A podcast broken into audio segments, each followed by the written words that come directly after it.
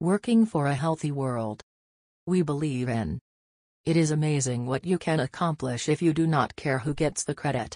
Harry S. Truman. The hardest working people don't work hard because they're disciplined. They work hard because working on an exciting problem is fun. Drew Houston.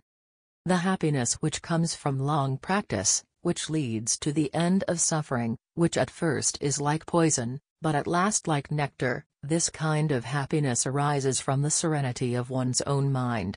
Bhagavad Gita